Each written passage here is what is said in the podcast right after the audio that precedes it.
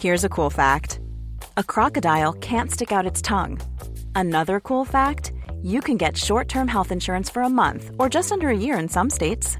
United Healthcare short term insurance plans are designed for people who are between jobs, coming off their parents' plan, or turning a side hustle into a full time gig. Underwritten by Golden Rule Insurance Company, they offer flexible, budget friendly coverage with access to a nationwide network of doctors and hospitals. Get more cool facts about United Healthcare short term plans at uh1.com. Many of us have those stubborn pounds that seem impossible to lose, no matter how good we eat or how hard we work out. My solution is PlushCare.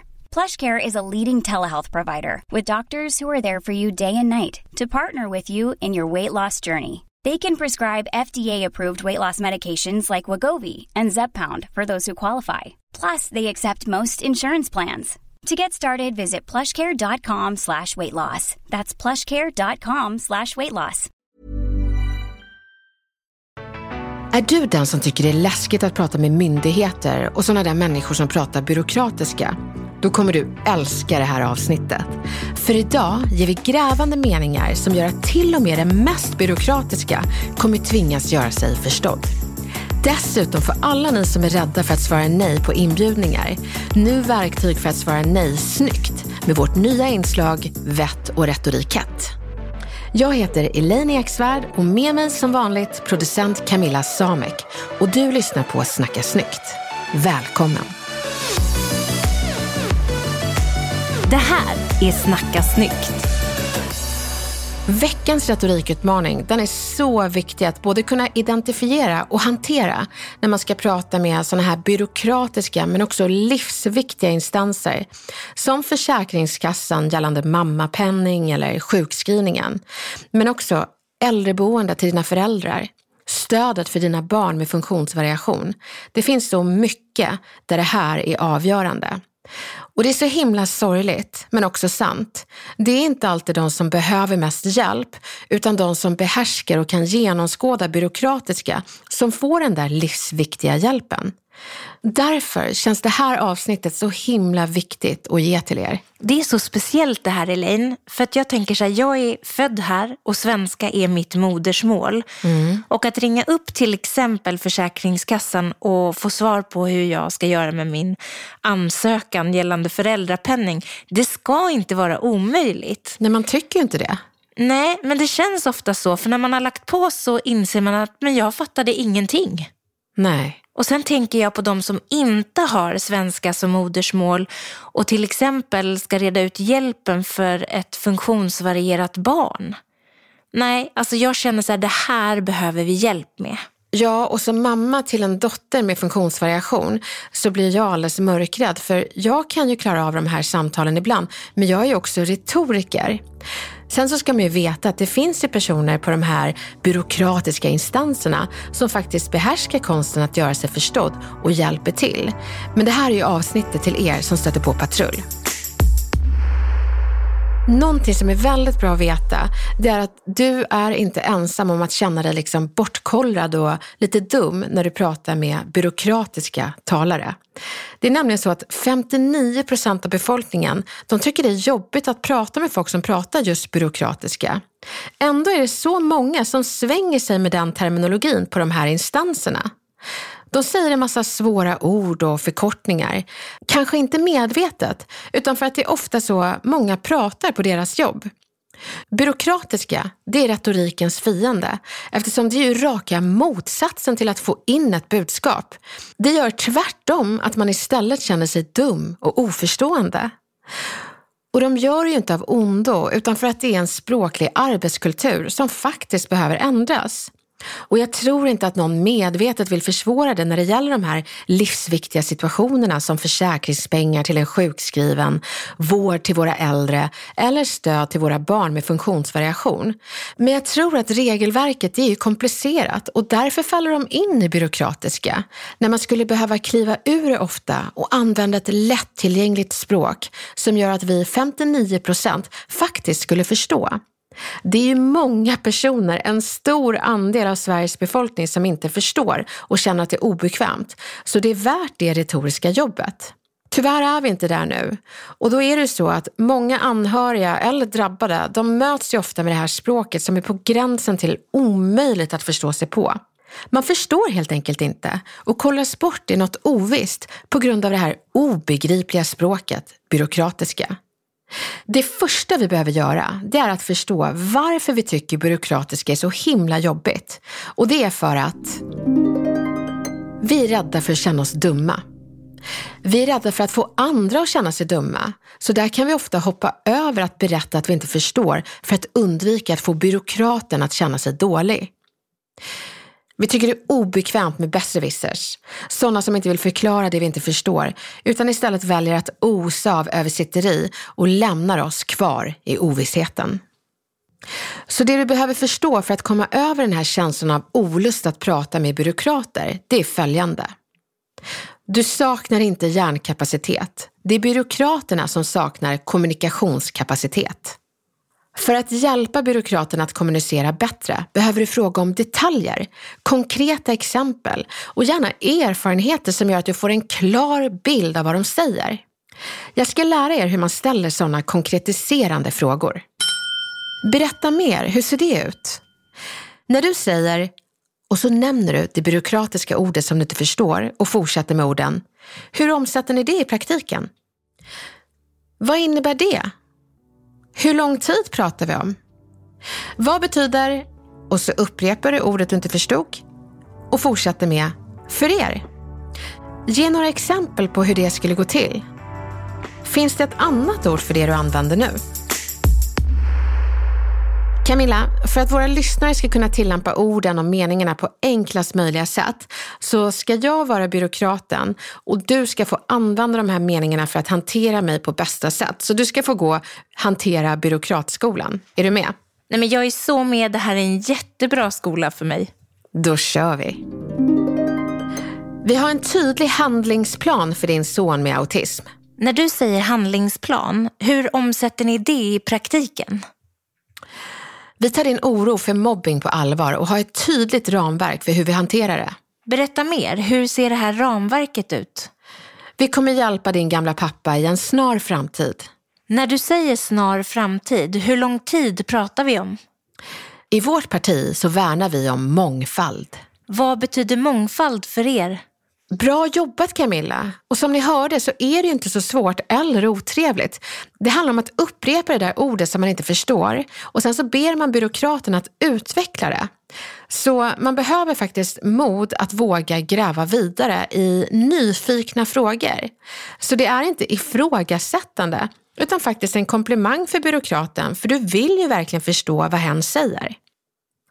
Alla myndigheter och arbetsplatser som pratar byråkratiska, er vill jag vända mig till nu. Det är inte värdigt att prata ett språk som gör att folk i beroendeställning får en mental dumstrut på sig själva och inte heller värdigt att de fylls med känslor av uppgivenhet och sorg när de behöver hjälp. Så jag tycker ni ska ta retorikmästaren Hans Roslings råd. Han, som var professor i global hälsa, han lyckades göra hela sin forskning tillgänglig i ett enkelt språk. Så jag tycker man ska göra som han gjorde. Gör er inte smarta med byråkratisk terminologi. Gör er förstådda med tillgänglig svenska. För det är alla våra svenska medborgare som behöver extra hjälp och stöd. Det är de värda. Så mina retoriska tips till er i min SFB-skola, det vill säga svenska för byråkrater, det är Beskriv. Berätta inte att ni har en handlingsplan utan beskriv hur den där handlingsplanen ska gå till i praktiken så att de ser vad ni pratar om. Var konkret är en massa svåra ord, siffror och regelverk så eftersträva verkligen att vara konkret. Och det gör du enklast genom att översätta hur de här orden och liksom regelverken tar sig i uttryck i personens liv. Så att hen faktiskt ser vad du menar och exakt hur det kommer påverka hens vardag.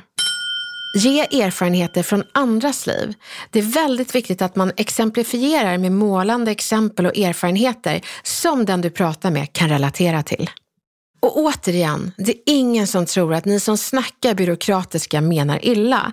Men det är också viktigt att förstå att när man är på andra sidan och inte bara behöver livsviktig hjälp utan också är i beroendeställning till dig, så gör det här språket väldigt ont. Jag vet att ni som jobbar på de här instanserna kommer göra ert bästa för att göra er förstådda. Ett ytterligare tips det är att inspireras av kollegor som du har som redan bemästrar den konsten. För de finns. Retorikmästare finns överallt, även på de här byråkratiska instanserna. Och sen till dig på andra sidan.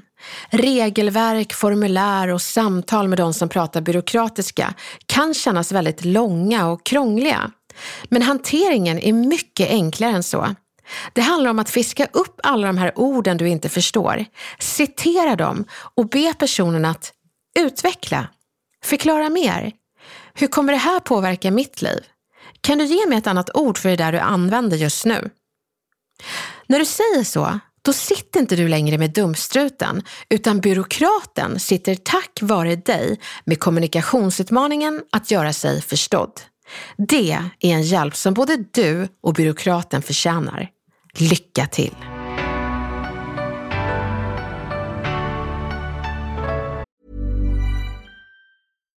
Hi, I'm Daniel, founder of Pretty Litter. Cats and cat owners deserve better than any old-fashioned litter. That's why I teamed up with scientists and veterinarians to create Pretty Litter. Its innovative crystal formula has superior odor control and weighs up to 80% less than clay litter.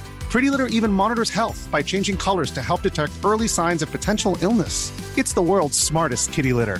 Go to prettylitter.com and use code ACAST for 20% off your first order and a free cat toy. Terms and conditions apply. See site for details.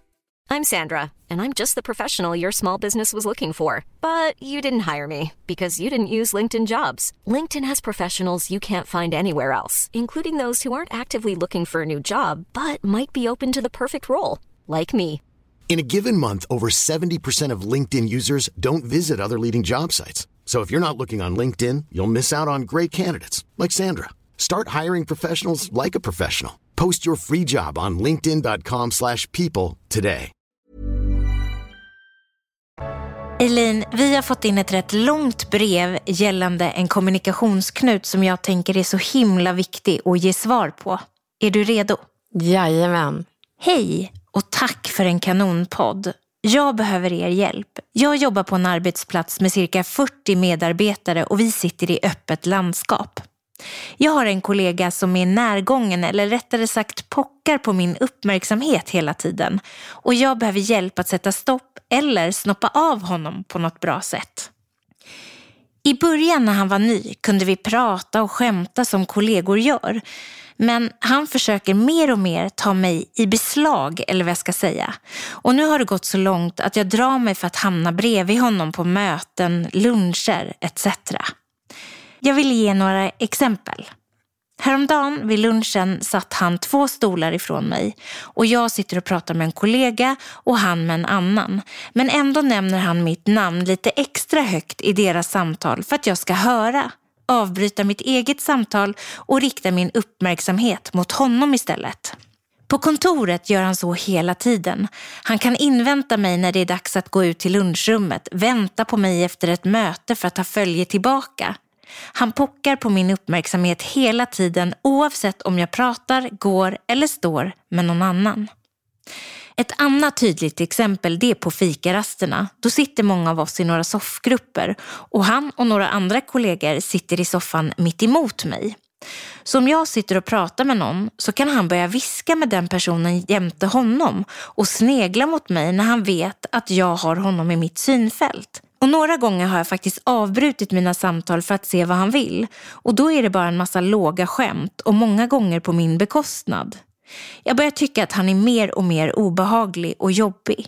Men samtidigt så är han inte närgången och det är inga sexuella kommentarer eller överskridna gränser på det sättet, vilket på sätt och vis hade varit lättare att hantera. Jag kan nämna att jag fått snoppa av en annan kollega för ett par år sedan, men han var mer närgången med sexuella kommentarer. Så där var den där överskridna gränsen uppenbar. Men nuvarande kollegan går inte över gränsen på samma tydliga vis, så jag vet inte hur jag ska bemöta det. Jag vet inte om han har uppfattat vår skämtsamma jargong när han var ny på jobbet som någon slags invit. Men det har aldrig varit min mening. För er info är vi gifta båda två. Han är en bit över 50 år så det är ingen barnrumpa vi pratar om. Jag behöver helt enkelt hjälp att få ett slut på detta trots att gränsen för vad han håller på med inte är helt tydlig. Så himla tacksam för hjälp. Men gud vilken bra fråga. Jag tänker att det är så många som kan relatera till, kanske inte allt, men delar av det här. För det är så mycket gott och blandat. Ja, fast det är inte så gott, men blandat. Men jag vill bara säga det, tack snälla för att du skrev till Snacka snyggt och faktiskt bad om hjälp. Och att du beskriver den här utmaningen så detaljerat, det gör det mycket lättare för mig att ge dig verktyg. En sak som är viktig att betona, det är att sexuella trakasserier, det är ju över alla gränser. Men det finns ju gränser innan det som man också får sätta. Gränser som kommer långt innan sexuella gränser. Och det man kan sammanfatta det med, det är att den här kollegan stör dig och du uppskattar det inte. Jag blev för övrigt lite förvånad över att han var 50 år, för han påminner om den där störiga killen på högstadiet som alltid ville ha allas fokus. Jag tänker att vi ska hantera varje specifik situation som din kollega orsakar och så ska vi hantera det på ett bra sätt. Jag tänker att du ska ta honom åt sidan och prata om er professionella situation. Jag skulle säga någonting i stil med det här. Vet du, jag vill prata lite om vår relation på jobbet och vad jag skulle önska framöver. Jag upplever att du ibland pockar på min uppmärksamhet. Som häromdagen när jag pratade med X. Då sa du mitt namn högt i ett samtal som du hade med någon annan. Du får ju såklart prata med mig om du vill, men jag uppskattar inte att du gör det så markerat så att det hörs och stör mig när jag är mitt i ett samtal med X. Eller som när du viskade med en kollega när du satt mitt emot mig. För det första så är det inte särskilt schysst att viska och det kändes som att du bara ville skoja. Men det jag försöker säga är att jag tycker inte att det är särskilt roligt. Sen känns det också som att du ibland slår mig följe oavsett om det är fika, lunch eller något annat vi ska till. Jag tror faktiskt att det jag vill säga är att jag behöver lite space helt enkelt och inget mer pockande. Är det okej? Okay? Oj, vad jobbigt. Ja men precis Camilla, det är ju jobbigt. Men det är svårt att göra ett sånt här samtal helt fritt från obehag. Det kommer inte vara så trevligt, men det är inte ditt fel. Det är ju din kollegas fel. Kan du, så verkligen försök att önska ett beteende utan att pådyvla kollegan intentioner. För det kommer mottas på helt olika sätt beroende på hur du säger det. Önskeretoriken, det är att föredra helt klart. Och kom ihåg att blir det dålig stämning så är det inte för att du tar upp det, utan för att kollegan har pockat på din uppmärksamhet alldeles för länge. Och det är inte alltid roligt att bli påkommen med det, men det är nödvändigt för din arbetsfrid. Ibland är man ju rädd för att ta det där snacket just för att man är rädd för den där känslan av dålig stämning. Hur ska det bli mellan oss sen? Hur kommer han reagera? Men som du beskrev så är det ju redan dålig stämning och du mår dåligt av situationen. Är det så att han är intresserad av dig på ett romantiskt plan och det här är ett sätt för honom att visa det på, så vill du sätta stopp för det. Du måste helt enkelt våga önska ett beteende som du mår bra av på er gemensamma arbetsplats. Att inte säga något kommer inte vara ett alternativ i den här situationen. Glöm inte bort att obehagliga samtal, de är inte farliga, utan det är ett sätt att få bort obehaget. Lycka till nu och tack för en väldigt bra och för många tror jag känslig fråga. Nu får även alla de som känner igen sig i din situation hjälp tack vare din fråga. Lycka till!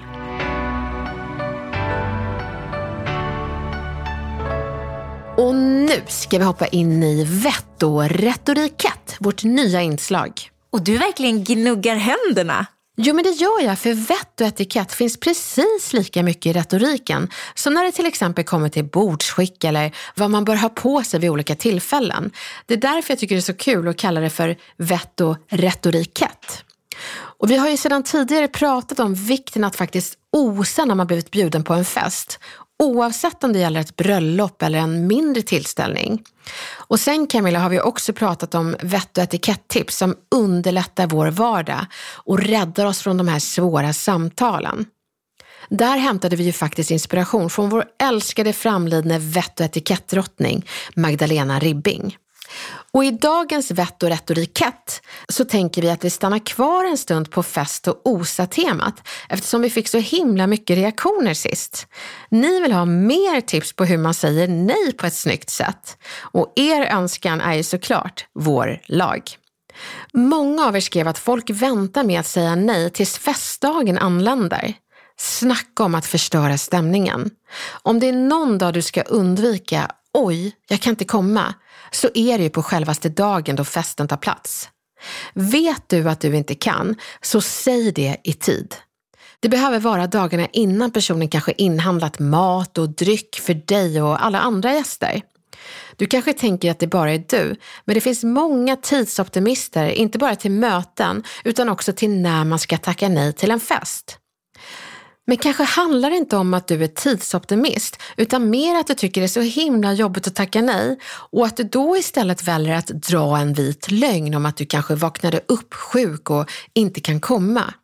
Det finns andra mycket bättre och trevligare sätt att tacka nej och det i tid. Så här kan du göra. När festerna krockar, då kan du skriva Åh, vad roligt att bli bjuden på fest. Jag vill så gärna komma, men är bjuden på annat då. Så trist, men hoppas ni får kul. Du kan också säga vad glad jag blev för inbjudan. Tyvärr är jag uppbokad på annat då, men hoppas ni får kul. När du inte orkar komma men inte heller vill berätta det utan göra personen glad, då kan du skriva det låter jätteroligt. Tyvärr kan jag inte då, men jag är så glad att jag blev inbjuden trots att jag inte kan. Det handlar kort och gott om att ha tre ingredienser när man tackar nej till en inbjudan. Fyra om man vill låta extra trevlig. De tre ingredienserna är tacksamhet, vilja och förhinder.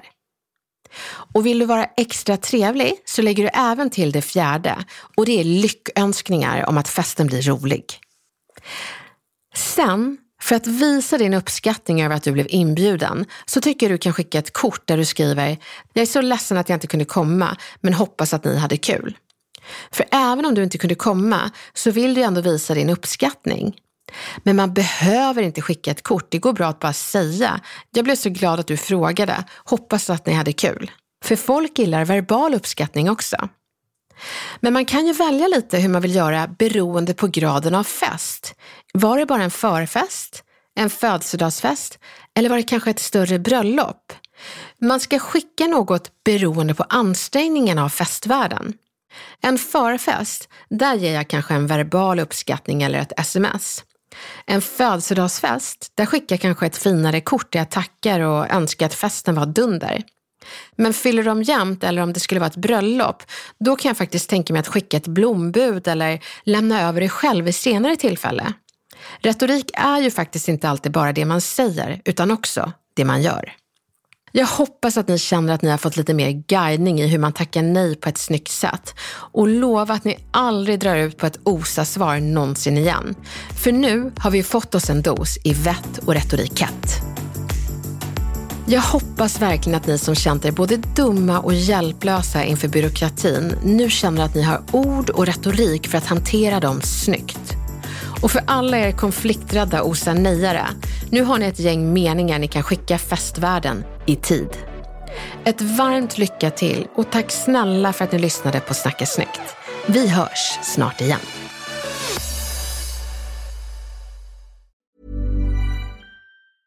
Planning for your next trip? Elevate your travel style with Quince. Quince has all the jet setting essentials you'll want for your next getaway, like European linen premium luggage options, buttery soft Italian leather bags, and so much more. And is all priced at 50 to 80% less than similar brands. Plus, Quince only works with factories that use safe and ethical manufacturing practices. Pack your bags with high-quality essentials you'll be wearing for vacations to come with Quince. Go to quince.com/pack for free shipping and 365-day returns. Imagine the softest sheets you've ever felt. Now imagine them getting even softer over time. That's what you'll feel with Bowl and Branch's organic cotton sheets. In a recent customer survey, 96% replied that Bowl and Branch sheets get softer with every wash. Start getting your best night's sleep in these sheets that get softer and softer for years to come. Try their sheets with a 30-night guarantee. Plus, get 15% off your first order at bowlandbranch.com. Code BUTTERY. Exclusions apply. See site for details.